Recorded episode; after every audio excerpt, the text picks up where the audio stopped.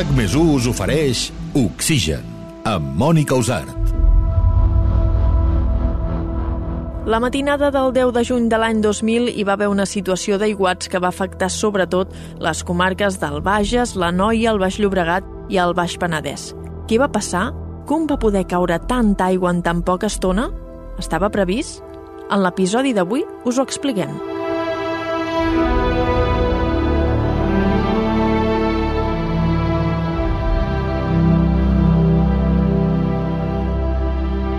Aquest episodi, l'aiguat de Montserrat de l'any 2000.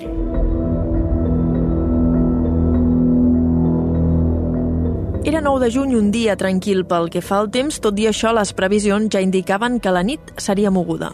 A la vigília vaig llegir la crònica de l'avantguàrdia del, del, del temps Ramon Uranias, monjo de Montserrat. i un comentari que vaig fer mentre eh, amb, amb altres monjos que estaven aquí, dic, no, dic, sembla, sembla molt apocalíptic això, però no hi vaig donar més importància que, que això o sigui, la, la comentari de, de la meteorologia del, de l'avantguàrdia doncs ja era, era bastant interessant en aquest sentit i, eh, i deia el que havia de dir, però esclar, no ens ho pensàvem, vaja. Bueno, amb aquestes em va fer el dia normal, vaig anar a dormir, i llavors, doncs, bueno, és el que ja, ja més o menys una mica explico, vaig pensar que, bueno, això, doncs, a la nit començarà a ploure i, bueno, una, una, una de tantes vegades, doncs, que, que, que, que plou i que, mira, passen, poden passar coses, evidentment. Aquella previsió del temps que el monjo Ramon Uranias havia llegit l'havia escrit Dani Ramírez, actualment meteoròleg de TV3. recordo haver fet el pronòstic i no sé fins i tot si en el programa de la tarda vaig demanar entrar de forma especial de dir és que demà venen uns aiguats molt forts. També treballava al diari La Vanguardia, és a dir, que allà deu estar escrit el pronòstic, suposo.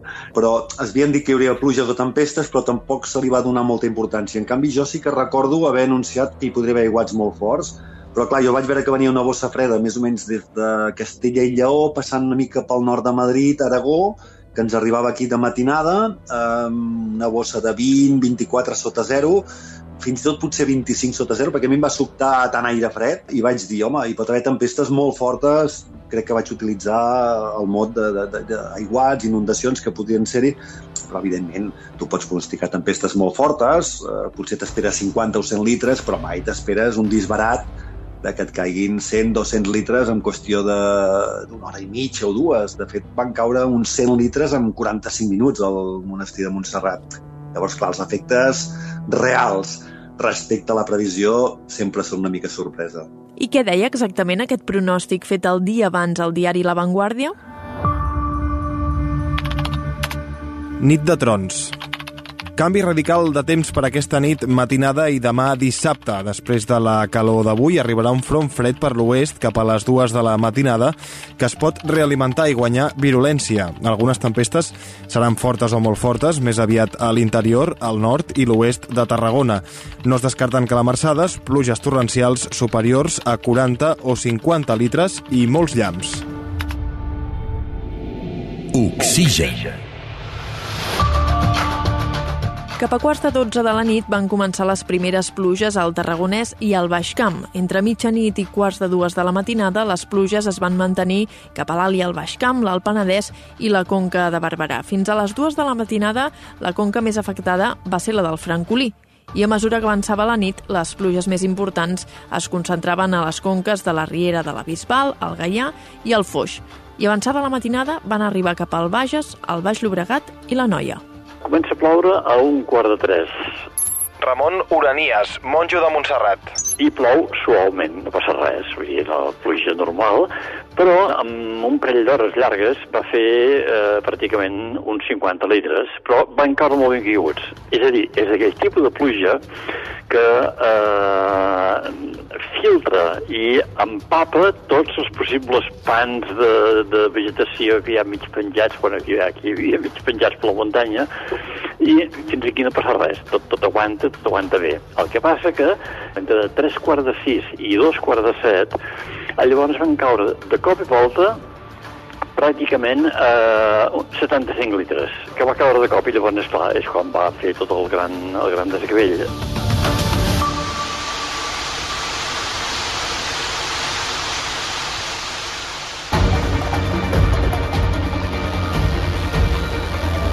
Mentre dalt a la muntanya de Montserrat plovia a bots i barrals, a baix, entre Abrera i Esparreguera, la força de l'aigua arrossegava tot allò que trobava pel camí.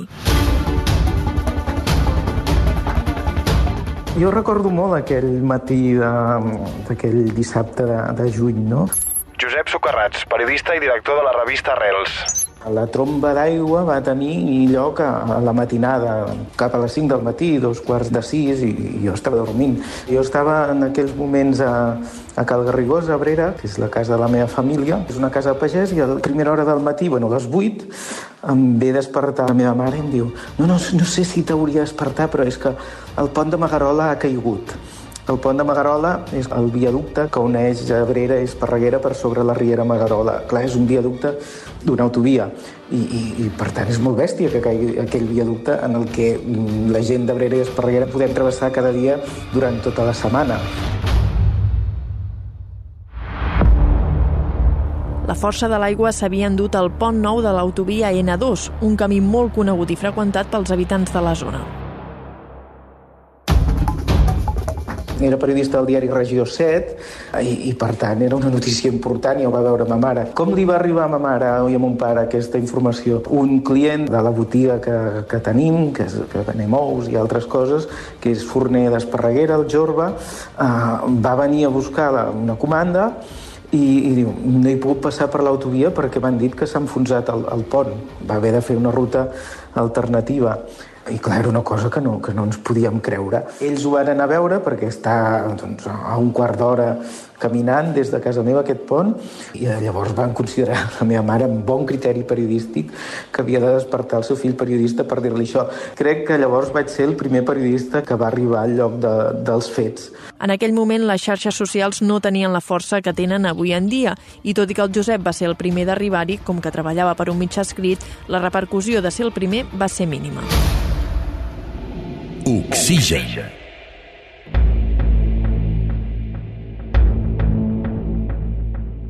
hi havia uns quants eh, monjos, van, dos o tres, que abans d'anar a matines mira, anaven a la cuina a prendre una mica de cafè.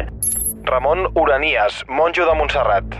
Per sort, per sort, els hi va venir de dos o tres minuts perquè quan ells van sortir no se'n van adonar, ja eren al cor, i va baixar tota una llavissada de terra de la part del torrent de, de, de, de, de la, la Santa Creu i de, i de Sant Dimes, que és el que va inundar la cuina i llavors van pensar les inundacions, però això doncs en vam entrar perquè esclar, estàvem al cor de dalt i llavors esclar, quan vam sortir vam veure tot el desgavell, llavors doncs, sí, bueno, va ser quan van, van començar a posar les coses a lloc. En aquell moment a Montserrat es van adonar que aquella inundació era catastròfica. Quan vaig anar a matines, clar, era a les 6 del matí, és a dir, pluïa fort, em vaig adonar que les canals de plous doncs, baixaven plenes. Dic, no, dic, dic, plou, plou amb ganes, però no va passar més d'aquí. Ara, un quart i mig de set, estava a mitges matines, eh, resant el cor de dalt, i ja va venir el prior, diu, ui, diu, pareu, pareu, pareu, pareu, diu, perquè ja hi ha una inundació.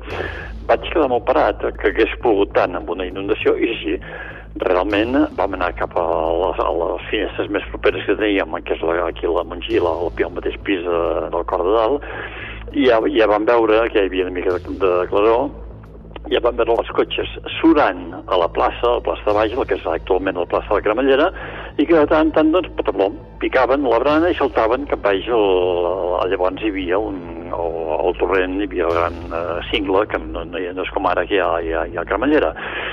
Clar, llavors això ja ens va, ja ens va espantar una mica. Al monestir va entrar l'aigua cap a dins perquè estaven fent obres i hi havia portes obertes, però la part que va rebre més va ser la del torrent de Santa Maria, que és on hi ha actualment el Cremallera.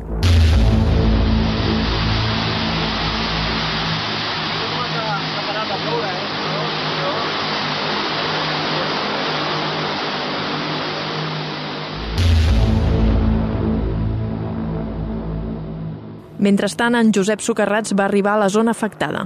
No estava tallat del tot aquell espai, per tant vaig poder acostar i era molt impactant veure això que, que, que comentava, no? aquest pont que podia haver travessat diàriament molts anys de la meva vida, absolutament enfonsat, De fet, el pont de Magarola en realitat són dos ponts.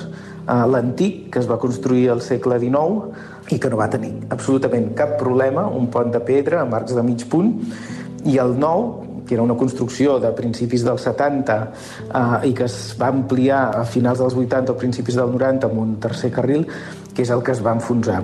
Ningú comptàvem amb que aquella autovia que feia 10 anys que havia estat ampliada i reformada mm, li passés un, un problema d'aquest tipus, no? Llavors, a partir d'aquí vaig poder fer el, fotos d'aquests primers moments d'allà. Eh, recordo això, no?, que de cop hi havia com un... Clar, el fet de que l'autovia estigués tallada donava com un silenci molt dramàtic, no?, aquelles primeres hores de les inundacions. I mentre era allà anaven arribant més notícies de les destrosses provocades per l'aiguat. El pont potser havia sigut una de les parts més espectaculars, però llavors van començar a arribar les notícies de Montserrat, com s'havia omplert no? la palassa del monestir de pedres, hi havia hagut tants cotxes que havien resultat eh, danyats. Al cap d'una estona es va enfonsar un altre tram, pocs quilòmetres més amunt del pont, es va enfonsar dos carrils d'aquella autovia tan pèssimament reformada feia 10 anys o així. I vaja, també me'n recordo ser a primera hora del matí, bueno, dos quarts de nou així, trucar eh, a l'Enric Badia, que era el coordinador del meu departament al Regió 7, i dir-li que s'ha enfonsat el pont de Magarola i ell dient, no, però és un pont important. Dic, sí, sí, sí, que és el de l'autovia. I era així com un, una situació una mica, una mica xocant. I de fet aquell dia, que això va ser un gran esforç editorial, el, el Regió 7 va treure una edició de tarda amb imatges de tot el que havia passat en aquells pobles a l'entorn de Montserrat.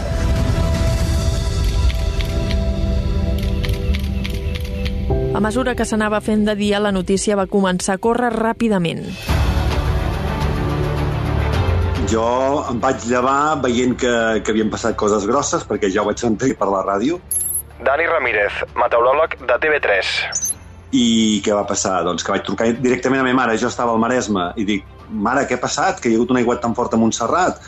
Oh, sí, molts trons, ha plogut molt, a les 6, 7 del matí fins allà a les 8 ha plogut molt, em va dir uns 90 litres per metre quadrat allà a Vacarisses, però és que a Montserrat en van ser 200, eh, o més de 200 localment, no? amb molta intensitat. Després de comprovar telefònicament amb ma mare a Vacarisses que l'aiguat havia sigut tan fort, també ens va arribar al Maresme al cap d'un parell d'hores, amb no tanta intensitat, allà van caure uns, uns 70 litres per metre quadrat, i vaig sortir cap a la feina, potser en les 10, quarts d'11, i em vaig aturar a les rieres de Sant Vicenç de Montal, de Llavaneres, a mirar la rierada, espectacular, i mira, ja tinc unes imatges per la tele, eh, també em faig imatges de vegades, eh? I en aquells moments em va sonar el telèfon.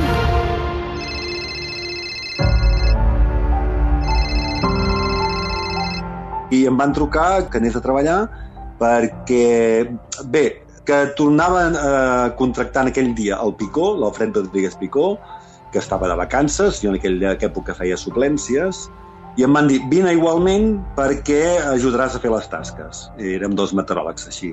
Total, que quan vaig arribar allà, l'Alfred es va encarregar de les tasques més de presentació i plató, i fer la previsió, etc i recapitular totes les dades, i a mi em van enviar, em van enviar amb helicòpter, va ser una experiència doncs, que no s'ha tornat a repetir. Veient la magnitud de la tragèdia, ràpid, potser eren ja quarts de dotze, cap a Ullastreny, un petit helioport que hi ha allà, i de seguida vam enfilar cap a Montserrat.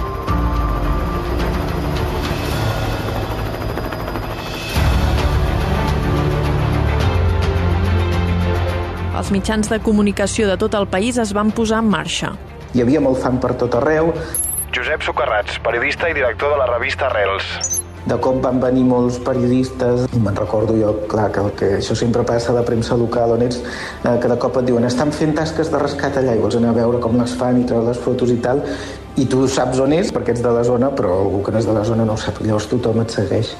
Jo en aquells moments anava amb un panda del meu germà que tenia 20 anys i anava amb el meu panda i al darrere tots els periodistes seguint-me i això em, em, em divertia bastant. Que no era una situació divertida, eh? Pensem que al cap d'unes hores es va saber que havien desaparegut dos germans eh, d'Esparreguera, va resultar que van morir, perquè en el moment de l'aiguat o poca estona després anaven a treballar o un acompanyava l'altre a treballar en cotxe i van caure al pont de Magrola. No sabem si va ser en el moment que el pont es va enfonsar o realment, i també és bastant esgarrifós, si no van veure que allà hi havia un precipici perquè era fosc, plovia i ningú pensa que hi haurà un precipici on hi havia dos carrils d'una autovia, no? I també hi va haver dos guàrdies civils que estaven en les tasques de, de, de rescat d'aquests cossos que van tenir un accident i, i van morir. I encara hi va haver una altra persona, una dona de Sant Vicenç de Castellet, que també se la van dur l'aigua.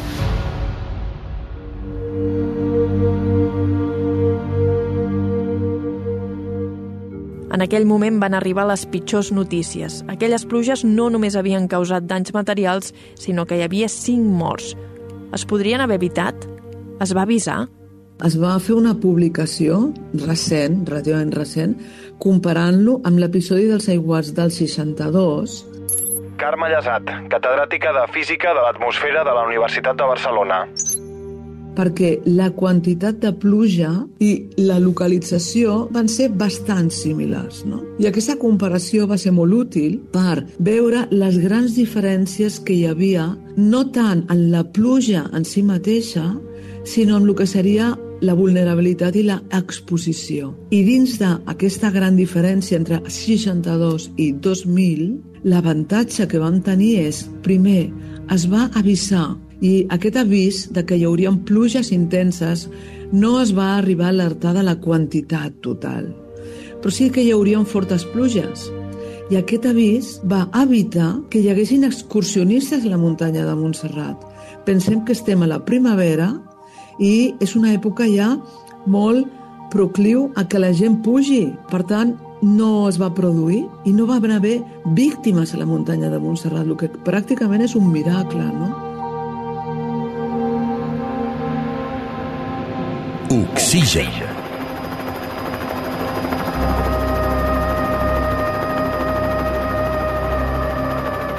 Poc abans del migdia ja ens plantàvem al monestir sobrevolant el massís de Montserrat.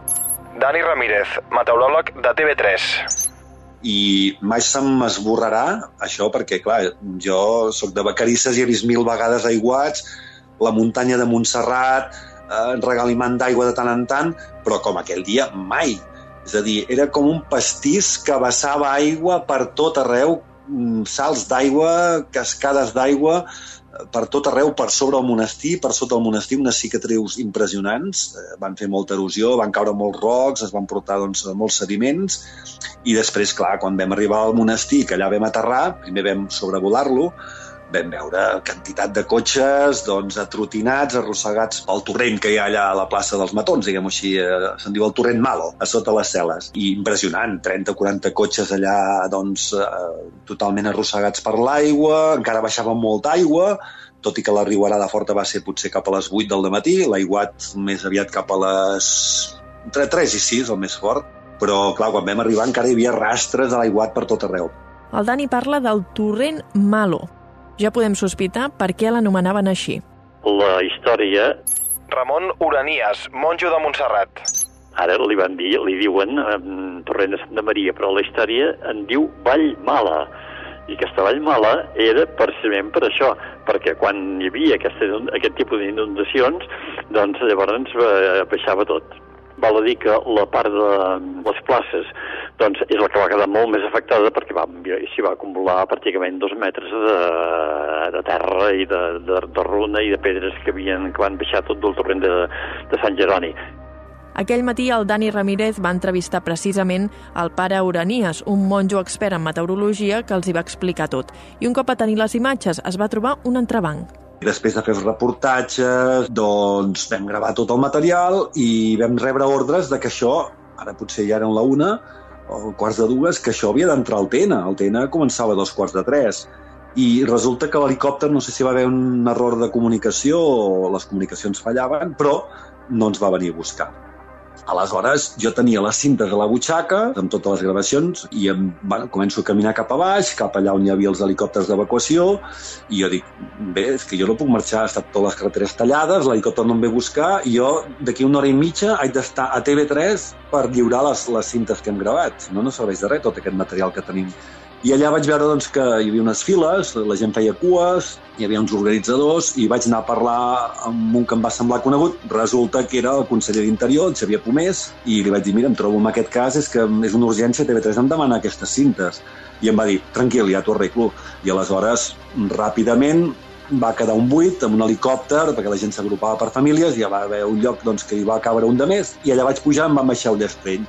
A Ullastrell juntament amb el càmera, vam coordinar que ens vinguessin a buscar un cotxe ràpidament i sí, sí, vam arribar justets, justets, cap a dos quarts de tres, ja havia començat el TN i ràpidament vam editar com vam poder i en 10-15 minuts ja van començar a sortir imatges per televisió.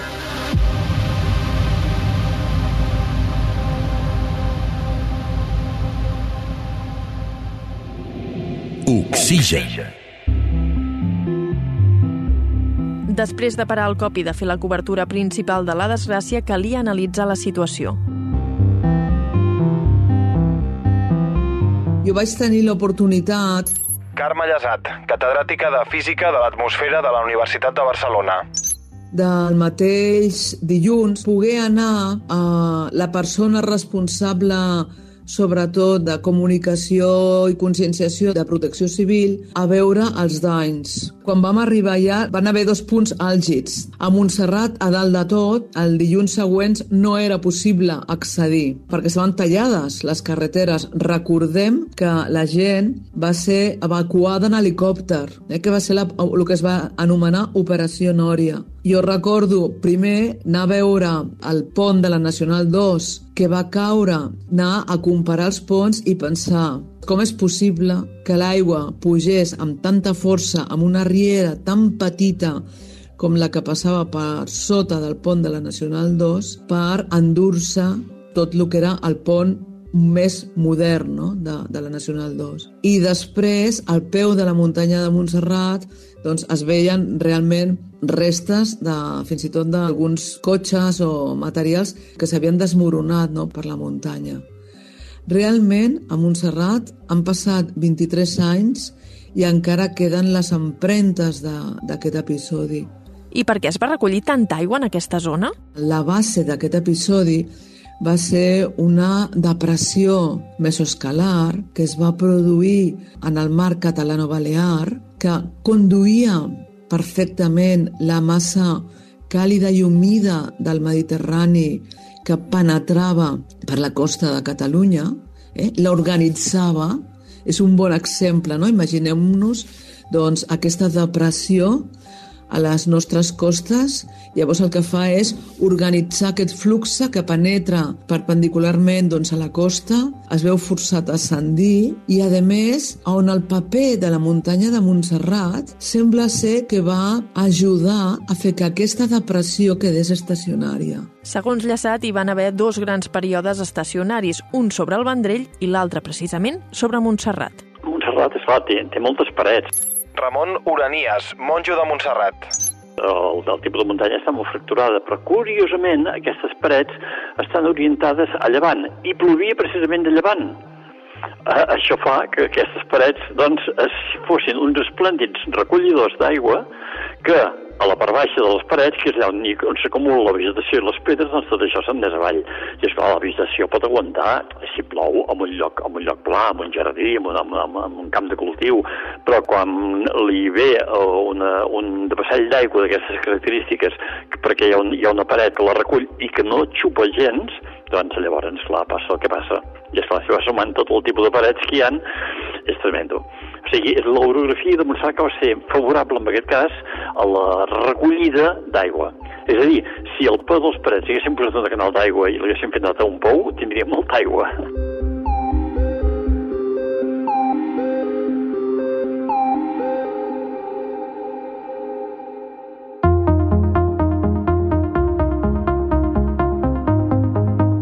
Dia es va avisar que les pluges podien ser torrencials i, per sort, es van prendre mesures. Si no, el balanç encara hauria sigut més tràgic. Per una banda, es va fer un bon pronòstic i, per una altra, gran part de la població va actuar de manera responsable.